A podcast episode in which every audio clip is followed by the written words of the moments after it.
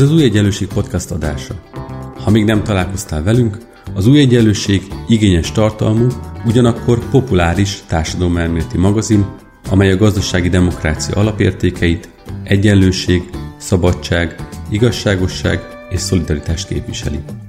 Podcastünkben egy-egy érdekes témát dolgozunk fel szerkesztőtársaim, vagy az új egyenlőség szerzői, illetve a téma kapcsán releváns szakértők segítségével. Beszélgetünk, vitatkozunk, talán úgy, ahogy te is tennéd, ha itt lennél velünk.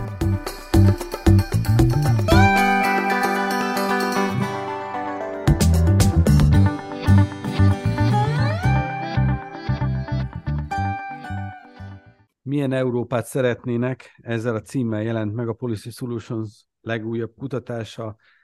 szeptemberben, és azért izgalmas munka, hiszen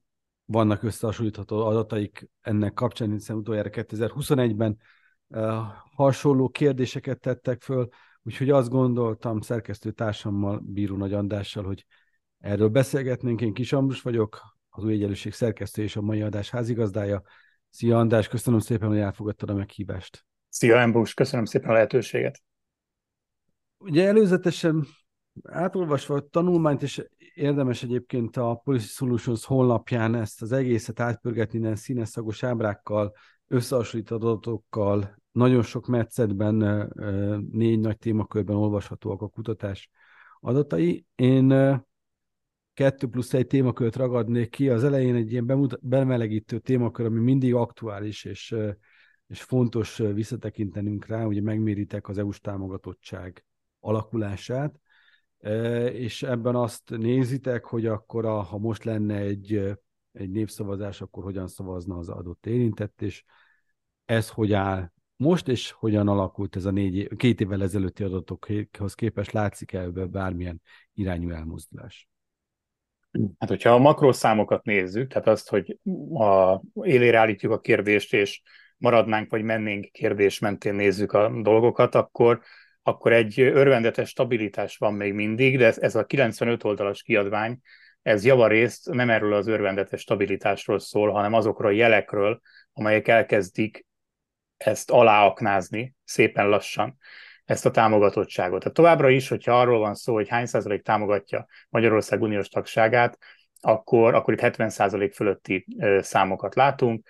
2023 májusi az adatfelvételünk, ez jelent meg most szeptemberben alaposan kielemezve, 72% szavazna egy népszavazáson arra, hogy Magyarország maradjon az Európai Unióban, és minden párt táborában többségben vannak azok, akik szerint jobb Magyarországnak az Európai Unióban maradni, mint ahány százalék szerint kilépnénk. De szerintem fontos itt a trendeket nézni, hogy ez hogyan változik azért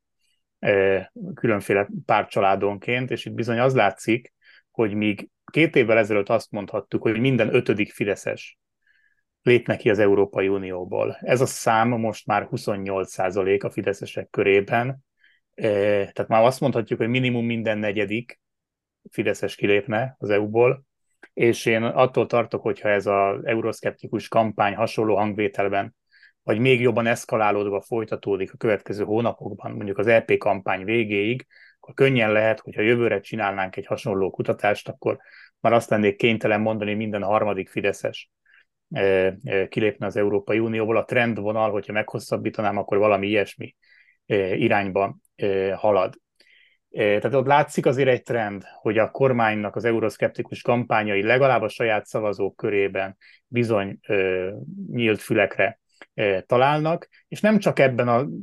a élére állított kérdésben lehet látni ilyen típusú romlást, hanem, hanem talán Magyarország Európai Uniós tagságának támogatottsága szempontjából a legfontosabb tartópillér szempontjából is, ami pedig nem más, mint az EU gazdasági legitimációja Magyarországon. Tehát az, hogy mennyire gondoljuk azt, hogy nekünk megéri az Európai Unióban lenni, mennyire gondoljuk azt, hogy, hogy a magyar gazdaság alapvetően profitál, jó nekünk az, hogyha ben vagyunk az EU-ban, és akár ezt olyan kérdésekkel is lehet mérni, mint mennyire gondolják még azt a magyarok, hogy nettó haszonélvezői vagyunk az uniós tagságnak, vagy nettó befizetői vagyunk az Európai Unió költségvetésének. Ezt sok oldalról körüljártuk ezt az EU gazdasági legitimációját, mert szerintem egy nagyon fontos kérdésről van szó, már csak azért is, mert a kormánynak az euroszkepticizmusa az utóbbi egy-két évben kifejezetten a háború kezdete óta szintet lépett, és átment erre, ezekre a gazdasági érvekre. Gondoljunk csak arra, hogy a hogy a, a rekordinflációért, ugye egy brüsszeli szankciós infláció kifejezést kellett megtanulnia a magyar közéletnek. E, ha arról van szó, hogy a tanárok miért nem kapnak fizetésemelést, akkor azt mondják, hogy azért, mert a csúnya Brüsszelből nem kapjuk meg a pénzeket, de hogyha az megjönne, akkor bizony meg lenne a béremelés, miért van szükség megszorításokra? Azért, mert Brüsszel ezt csinálja, meg azt csinálja. Tehát lehet látni, hogy egyfajta gazdasági típusú, vagy gazdasági alapú euroszkepticizmus is e, e, elindult Magyarországon, és ez mindenképpen egy új fejleménynek számít. És ez hogy jelenik meg a számokban?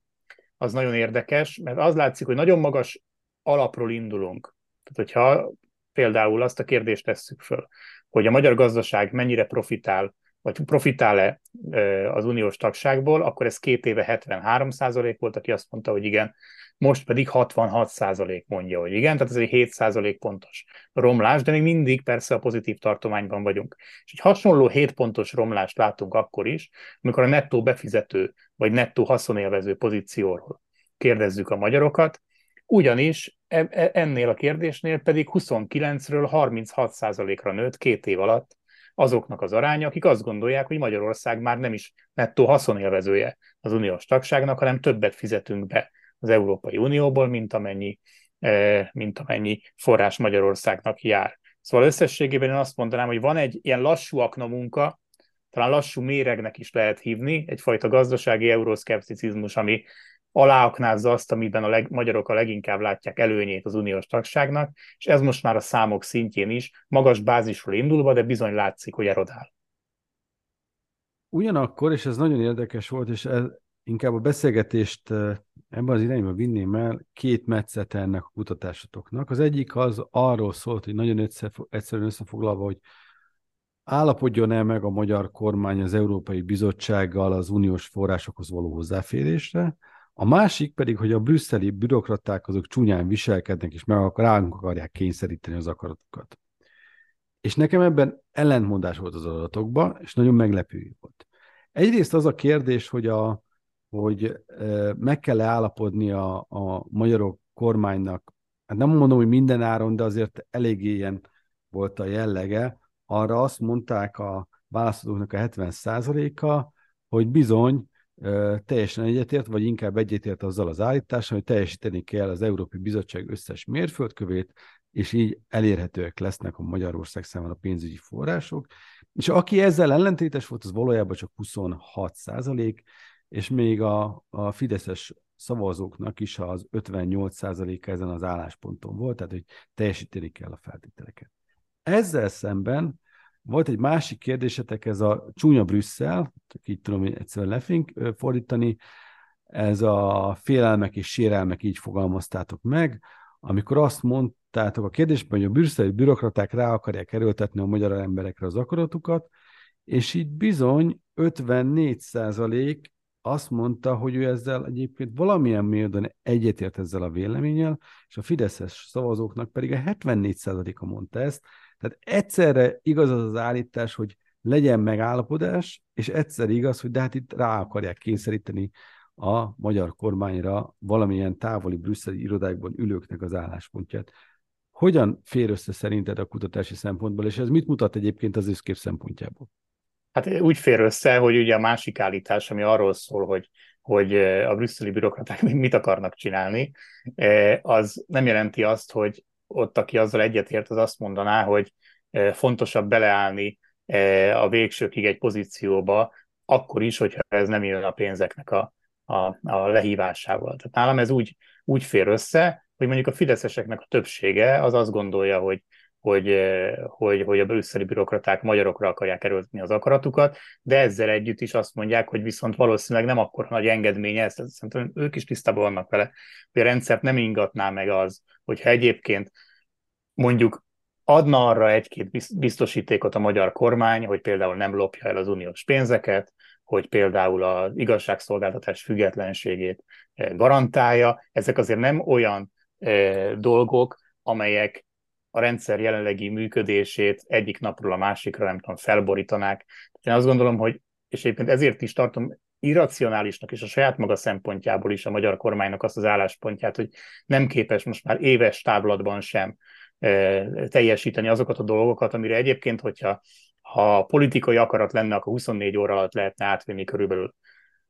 Magyarországon, és megoldani a problémákat, akár a Brüsszel és az uniós intézményekkel való levelezésen keresztül is egy-két hónap alatt, hogy erre nincs meg ez a politikai szándék, holott a szavazóik is egyébként azt gondolják, hogy a magyar emberek érdekét igazából az szolgálná, hogyha ezek a pénzek itt lennének, és ezek hasznosulnának, és ezért valószínűleg nem tartják olyan túl nagy áldozatnak azt, hogy egyébként teljesítsenek néhány kérést, amely megfogalmazódik az uniós intézmények részéről. Ez persze lehet olyan szájízzel tenni, hogy egyébként ránk akarják erőltetni az akaratukat, de szerintem ez úgy fér össze, hogy közben azt gondolják, hogy ez nem túl nagy áldozat azért, hogy egyébként 10 milliárdos mennyiségben érkezzenek eurók Magyarországra, és ezáltal sikerüljön az országot ismét fejleszteni ebből, ezekből a pénzekből. De ugye jól értem, azért ez egy csapdahelyzet is a kormánynak, aki ugye arról beszél folyamatosan, hogy számára a legfontosabb a magyar út, a nemzeti szuverenitás, nem ugye, hogy a orosz-ukrán konfliktus kapcsán mondja, hogy nem orosz érdeket szolgál ki, és nem az ukránokat nézi, hanem csak a magyar érdeket nézi. Ugyanezt levetíti az Európai Bizottság gavoló konfliktusára is, ugye ez a nemzeti szuverenitás, míg az adatokból valóban nekem is inkább ez olvasható ki, hogy azt mondják a saját választói is, hogy hagyd már a fenébe, nem értem ezt a nemzeti szuverenitás logikádat, állapodj meg velük, hozd el a pénzeket, és legyen jó mindenkinek a, a történet. Mégsem teljesíti. Ez egyébként most így oldalvágásként tudom, hogy nem csak a kutatásban ezt nem vizsgáltatok, de erre te mit gondolsz, hogy mégis ez miért nem kockázat egyébként a Fidesz számára, hogy beleharap a saját szavazótáborába pont emiatt, hogy, hogy nem teljesíti. És egyébként azért engem még az is meglepett őszintén szólva, hogy miközben az egész identitástudatát erre a nemzeti szuverenitásra építi, és bár 71%-a a Fidesz szavazóinak azt mondja, hogy a brüsszeli bürokraták csúnyán viselkednek, és rákényszerítik az akaratokat, de mégiscsak van ott egy 26%, azért a minden negyedik szavazó lyuk pedig nem így gondolkodik ebben a történetben, vagy nem feltétlenül így gondolkodik, ami azért ez egy figyelmeztető jel, mert azért, hogyha az egészből kivannánk ezt a minden negyedik szavazót, az érdeműen beleharapna a táborába. Más kérdés, hogy az ellenzék nem tudja ezeket az embereket megkötni, magához szólítani. Szóval, hogy te miben látod ebben a, a, a, az, hogy a Fidesz nem engedi ezt el mégis ezt a e, történetet? És nem, és fogjuk, nem... fogjuk meg onnan, hogy ez miért nem károsabb számukra, amit csinálnak e tekintetben. Szerintem azért, mert nem épült meg nagyon sok választónak a fejében, hogy miért állt elő ez a helyzet. Tehát ugye kapnak egy nagyon erős narratívát, ki a hibás, miért nincs pénz, lefordíthatnám így is. És, és ebben bizony kapnak, szerintem a fideszes szavazók mindenképpen kapnak egy erős mankót, ami nagyjából úgy hangzik, hogy hogy ezt a Magyarország egyfajta büntetésként kapja ezt a csuklóztatást, azért, mert különutas politikát folytat, és azért, mert nem akarja beengedni a gender ideológiát a oktatási intézményekbe, és azért, mert nem akarja a migráció előtt kinyitni a kapukat. Körülbelül így hangzik, ugye, hogy ezért van az unió, ezért vannak az uniós pénzek felfüggesztve. De ugyan, szerintem ugyanilyen erővel az ellenzék részéről azért nem hallhatjuk azt, hogy Orbán Viktor miatt nincsen pénz. Tehát azért nincsen pénz ma e, uniós forrásokból, mert az elmúlt egy bő évtizedben Magyarországon a korrupciós gyakorlat olyan volt, hogy ezt most már nem tűrték el, és ezt miatt, amíg ez nincs orvosolva, addig, addig nem adnak pénzt, és a másik pedig, hogy a demokratikus intézményrendszer és a demokrácia minősége olyan módon épült le, amely szintén ugye az Orbán kormány bő évtizedes tevékenységének köszönhető, és ez a másik, amit nem tolerálnak a továbbiakban az uniós intézményekben. Szóval ez az, hogy egyébként ki miatt nincs pénz, és miért nincs pénz, ez szerintem nem két egyenlő narratívának a versenyfutásában jelenik ma meg Magyarországon, hanem úgy jelenik meg, hogy van egy minden csatornán nyomott euroszkeptikus kommunikáció, amely egyre több mindenért teszi, teszi felelőssé az uniós intézményeket, és egyébként önmagában egy ilyen méltánytalan büntetésként mutatja be a szabadságharcos kormányjal szemben ezeket az intézkedéseket, holott ezt, hogyha bármelyik másik országban, de tényleg akár a uniós intézmények bármelyikében megkérdeznél bárkit, hogy, hogy miért vannak felfüggesztve a pénzek, akkor mindenki egyértelműen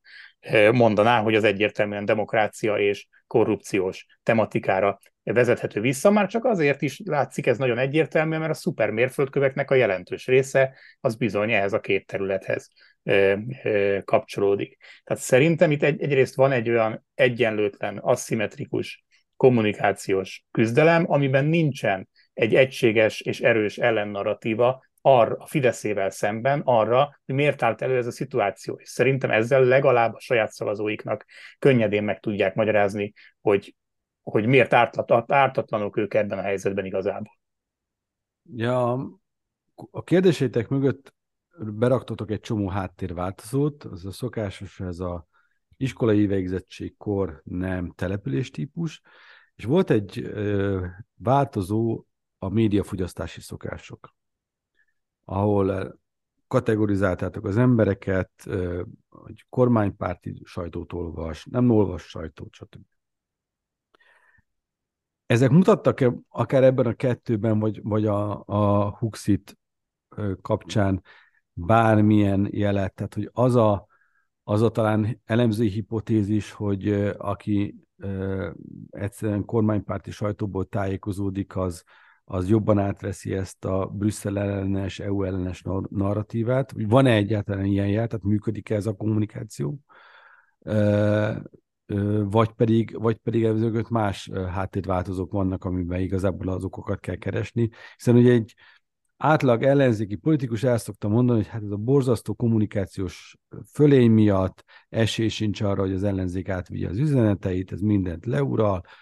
Hozzáteszem, hogyha ez igaz lenne, akkor ugye ebből következőleg alig kéne lennie ellenzéki szavazónak, de azért mégsem így van a, a dologban. Szóval, hogy ez a, ez a szempont, ez látszik-e a EU megítélése, Brüsszel megítélése pénzekhez való hozzáférés kapcsán? Abban, ahogyan gondolkodunk az Európai Unióról, és ahogy megjelennek a negatívumok, és milyen típusú narratívák keresztül jelennek meg a negatívumokat, egészen egyértelműen tetten érhető a kormányzati keretezése a legtöbb témának. Erre most csak akkor egy néhány évvel ezelőtti példát mondok, hiszen nem ma kezdtük el az Európai Uniós attitűdöket mérni, de például amikor csúcsra járt a migrációs propaganda, hát mondjuk azt, hogy 2015 után egy pár évig, akkor az uniós tagságunk 15. évfordulóján, 19-ben, amikor föltettük azt a kérdést, hogy nem, nem azt, hogy ennyi migrációs kampány után mit gondolnak az euróról, hanem önmagában azt a kérdést tettük föl, hogy mit gondolnak, hogy az Európai Uniós tagságnak mik a legnagyobb hátrányai. És ott első helyen jött 2019-ben, amikor ez volt a csúcson kommunikációban az, hogy uniós tagságunknak az a legnagyobb hátránya, hogy migráció van, és hogy migránsok jönnek Magyarországra. Tehát össze, sikerült összekötni Brüsszelt a migrációval. Az emberek jelentős részének a fejében. És ez nagyon egyértelműen kiderült, amikor ott a negatívumokról eh, kérdeztünk. És ez a mai napig is így van, de átrendeződés van, hiszen most már migráció nem tartozik a legfontosabb kampánytémák közé, és az ott is látszik, hogy a mi adatainkban 2023-ban a legnagyobb hátrányok között a migráció már csak harmadik. Tehát mondjuk néhány év alatt lecsúszott az első helyről, harmadikra most már azt, hogy túl sok mindenbe szól vele Brüsszel, túlzott szabályozás, nemzeti szuverenitásunk gyengül, ez a második helyen van, és migráció a harmadik, tehát megint látszik, az első két helyen ez a szuverenitás alapú retorika hatása csapódik le erősebben, mint néhány évvel ezelőtt. És hogy arra a konkrét kérdésedre válaszoljak, hogy média buborékokban ez hogyan jelenik meg, mert valóban ez az egyik újítása ennek a most megjelent kutatásnak, hogy fölvettünk egy, igazából egy média elemzést is adatfelvételben, és ez bizony keresztbe e, számolgattuk a különféle kérdésekkel. És pont ennél, amivel, amivel kezdtük az adást, a brüsszeli bürokraták képével, ott kifejezetten kíváncsi voltam én is, és ezért megkértem a kollégákat, hogy ezt mindenképpen számolják ki, hogy, hogy mi a kép az uniós intézményekről és a brüsszeli bürokratákról, akkor, hogyha valaki kizárólag kormánypárti médiát fogyaszt, ha mondjuk kizárólag ellenzéki médiát fogyaszt, mert ilyen buborékot is találtunk bizony, nem is olyan kicsit, És mi van akkor, hogyha valaki többségében ilyet fogyaszt, vagy olyat fogyaszt, és mi van akkor, hogyha valaki kiegyensúlyozott médiafogyasztó, mert ilyeneket is találtunk a magyar társadalomban, szintén nem olyan keveset. Úgyhogy ebben a kép egészen drámai, és szerintem nagyon jól látszik, hogy pont az ilyen kommunikációs narratívák tesztelése során nagyon fontos, hogy valaki honnan tájékozódik. Tehát az az állítás, hogy a brüsszeli bürokraták a magyarokra akarják erőltetni akaratukat, az a többnyire kormánypárti, vagy kizárólag kormánypárti média fogyasztói között legalább kétharmados többségben vannak. 73 és 66 százalék ebben a két csoportban azoknak az aránya, akik egyetértenek azzal, hogy ez így van, tehát hogy tényleg ránk akarják erőltetni az akaratukat. Ha megnézzük azokat, akik kizárólag kormánykritikus médiát fogyasztanak, ott 36% értett egyet ezzel a brüsszeli bürokrataképpel, és 58% nem értett ezzel egyet. Tehát egy tényleg teljesen más világ rajzolódik ki, ott a 10-ből 6 olyan választó, aki egyébként tehát csak kormánykritikus médiát fogyaszt,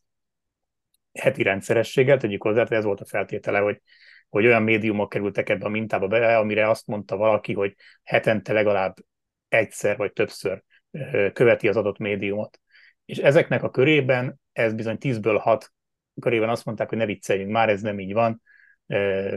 nem lehet erről beszélni, nincs ilyen. Tehát, tehát jól látszik, hogy, hogy ebben a kérdésben például nagyon-nagyon számít az, hogy valaki honnan veszi a, a paneljeit, vagy a gondolati mankóit. Mondok még egy példát, mert igazából azt is megnéztük, hogyha már ilyen kormányzati narratívákról van szó, hogy az Európai Unió valóban át akarja mosni a magyar, hogy a magyar gyerekek agyát a saját ideológiájával. Ezek ugye olyan állítások, amelyeket akár Kovács Zoltán államtitkár is föltehetett volna, hiszen annyira szó szerint követi azokat a narratívákat, amelyeket a kormányzati kommunikáció tesztel, de hát ennek van értelme megnézni, hogy ezek mennyire hatnak, vagy mennyire élnek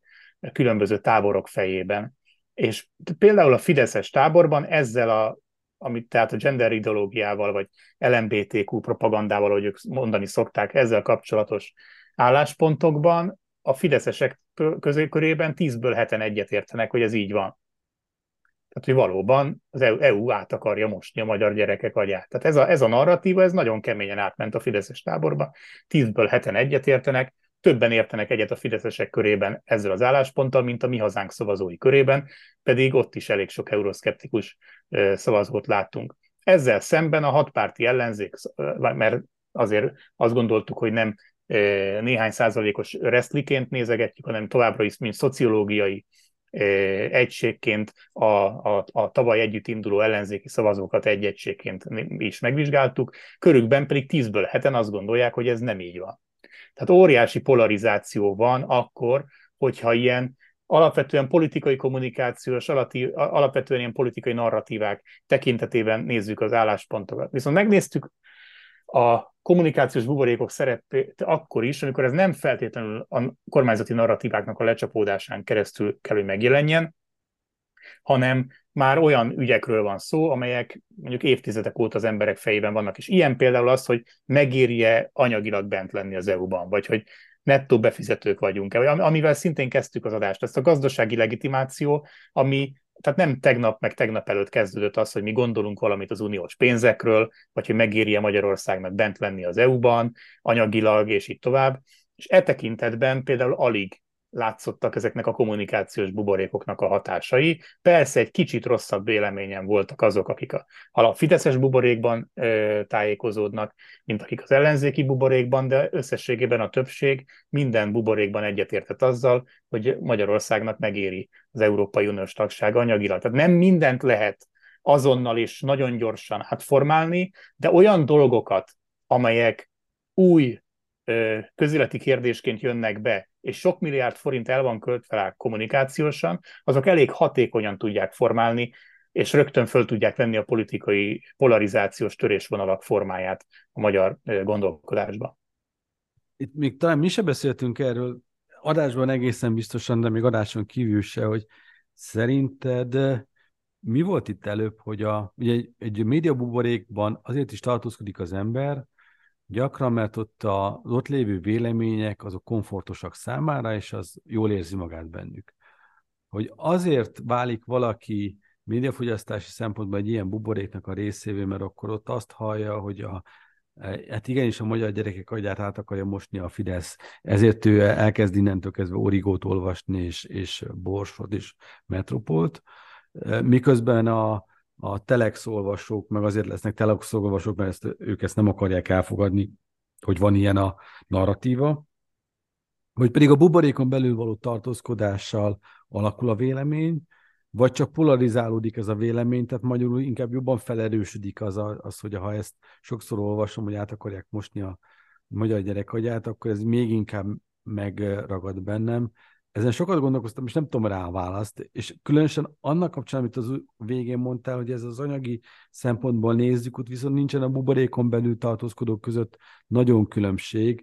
miközben azért az egészen biztos, hogy gazdasági szempontból már megindult az a kommunikáció, hogy hát nettó befizetők leszünk, ugye elkezdődött valószínűleg annak a tesztelése is annak üzenetnek. Ha nincsen támogatás, akkor lehet, hogy fel kéne függeszteni a befizetéseket az EU-ban, a Magyarországnak is, eh, hiszen hogyha nem kapunk onnan pénzt, ami egyébként zárójel nem igaz, mert azért kapunk most is, eh, de, de eh, ez a, ennek a, a, a, szóval nem tudom, hogy, hogy igazából ez a média buborékban ez, ez mi volt előbb ebbe a történetben, el lehet egyáltalán dönteni, akár ebből az EU-s szempontból?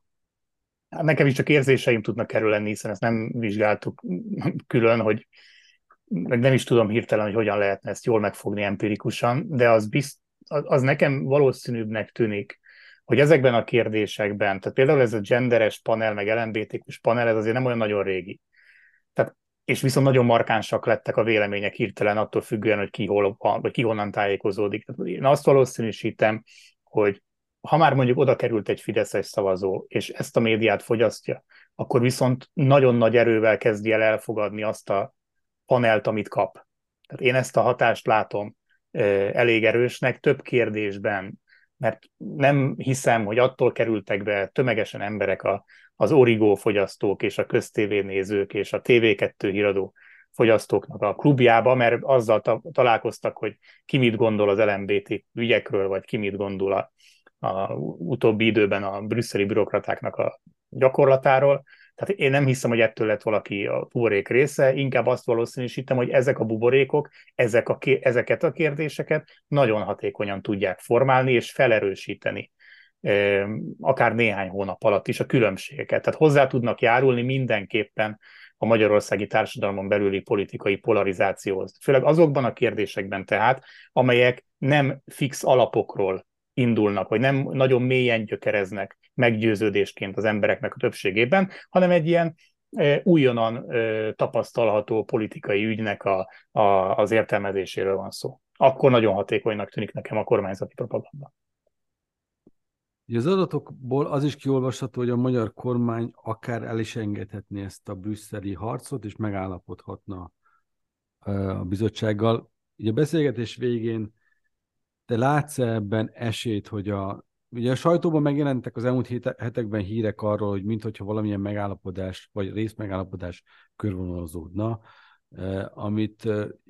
cáfolt részben, vagy óvatosan cáfolt a bizottság is, de bár, persze bármit bele lehetett érteni azokba a szavakba. A magyar kormány sem mondott igazából ennek kapcsán semmit. Nyilván a hasonlókat mérhet a magyar kormány, mint amiket ti mértetek, tehát ebben nagy változás nem lehet.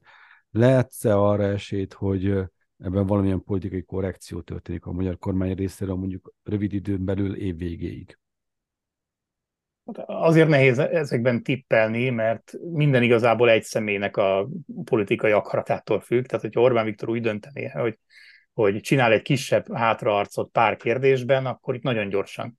e, végig lehetne vinni azt a fordulatot, amelyel Magyarország hozzáférhetne a legtöbb forráshoz elég gyorsan. Viszont az is igaz, hogy amelyek elhíresültek befagyasztott forrásokként, azok nem azok a források, mint amelyekről a múlt héten lehetett olvasni, hogy ha az igazságszolgáltatási reformát megy, akkor, akkor bizonyos forrásokhoz hozzáférhet a magyar kormány, hiszen azok egyszerűen, most ez nem akarok nagyon belemenni a szakzsargomba, ilyen horizontális feljogosító feltételek az igazságszolgáltatás függetlensége például, és hogyha azt teljesíti a kormány legalább, hogy az igazságszolgáltatás függetlenségét garantálni tudja a hosszú távon, és ezt elfogadja az uniós intézményrendszer, akkor mindentől függetlenül az uniós pénzeknek a, körülbelül a feléhez hozzá lehet férni, 13 milliárd euróról van szó. De ez még ugye mindig nem érinti messze azokat a pénzeket, amelyek tavaly a figyelem középpontjába kerültek, akár a helyreállítási alap forrásaihoz való hozzá nem férésről beszélünk, annak a hitel részéről, vagy az, hogy a, a, az uniós költségvetésből felfüggesztett 6 milliárd euróról sincs szó még. Tehát igazából azok a kérdések, még ha lenne is egy ilyen részsiker, hogy az igazságszolgáltatási reform tekintetében megnyugtató választ tud adni a kormány novemberig, ez így a cél most, hogy a megnyugtató választ tud adni, és ezt elfogadják az uniós intézmények, akkor a pénzek egy részéhez hozzá lehet e, valószínűleg férni jövőre. Tehát azt gondolom, hogy a folyósítás akkor sem tud már nagyon megtörténni idén, de a politikai, politikailag végig tudnak gurulni a rendszeren, de ehhez megint tehát az kell, hogy a,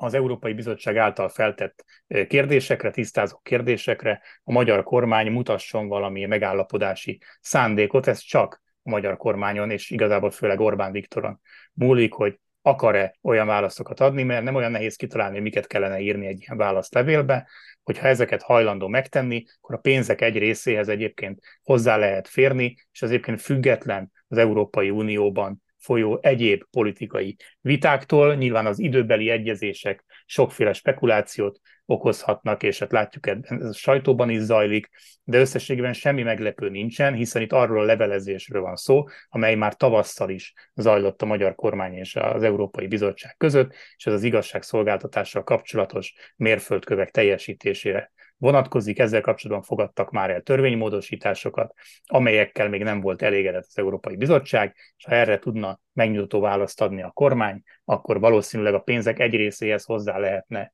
férni, de még nagyon messze vagyunk attól, hogy valamennyi forrásnak a felszabadításáról egyáltalán beszélhessünk. Én ott valódi megállapodási szándékot kellene, hogy lássak a kormány részéről, hogy itt pozitívan merjek nyilatkozni. Én tartok tőle, hogy, hogy ez egy elhúzódó történet lesz, és még simán 2024-ben is fogunk tudni olyan adásokat csinálni ezzel kapcsolatban, ahol, ahol még lesz olyan kérdés, hogy mikor jönnek ilyen vagy olyan uniós pénzek. Legyen ez a végszó a hallgatóinknak. Köszönjük a figyelmet, és mindenképpen javaslom, hogy a milyen Európát szeretnének kutatási anyagot, ezt érdemes átpörgetni, ha más nem, akkor gyorsan az ábrákat, hiszen nagyon tanulságos ez a Policy Solution oldalán elérhető, ezt a linket berakjuk a podcast leírásába is. Köszönöm szépen, András, hogy így itt voltál, és segítettél megvilágítani a számok mögötti látszólagos ellentéteket. Köszönöm szépen. És hát a hallgatóinknak meg a szokásos módon ajánlom az új egyenlőség.hu a Facebook oldalunkat, YouTube csatornánkat, illetve a két társ podcast csatornánkat is a figyelmébe, a zöld egyenlőséget és a kék egyenlőséget, amelyek új adásokkal jelentkeztek. Szokás szerint mostanában ezeket szintén a streaming csatornákon megtalálhatók, és hát minket is kövessenek folyamatosan, hiszen hetente igyekszünk megújuló tartalmakkal jelentkezni. Úgyhogy egy hét múlva folytatást találkozunk, és addig is minden jót mindenkinek.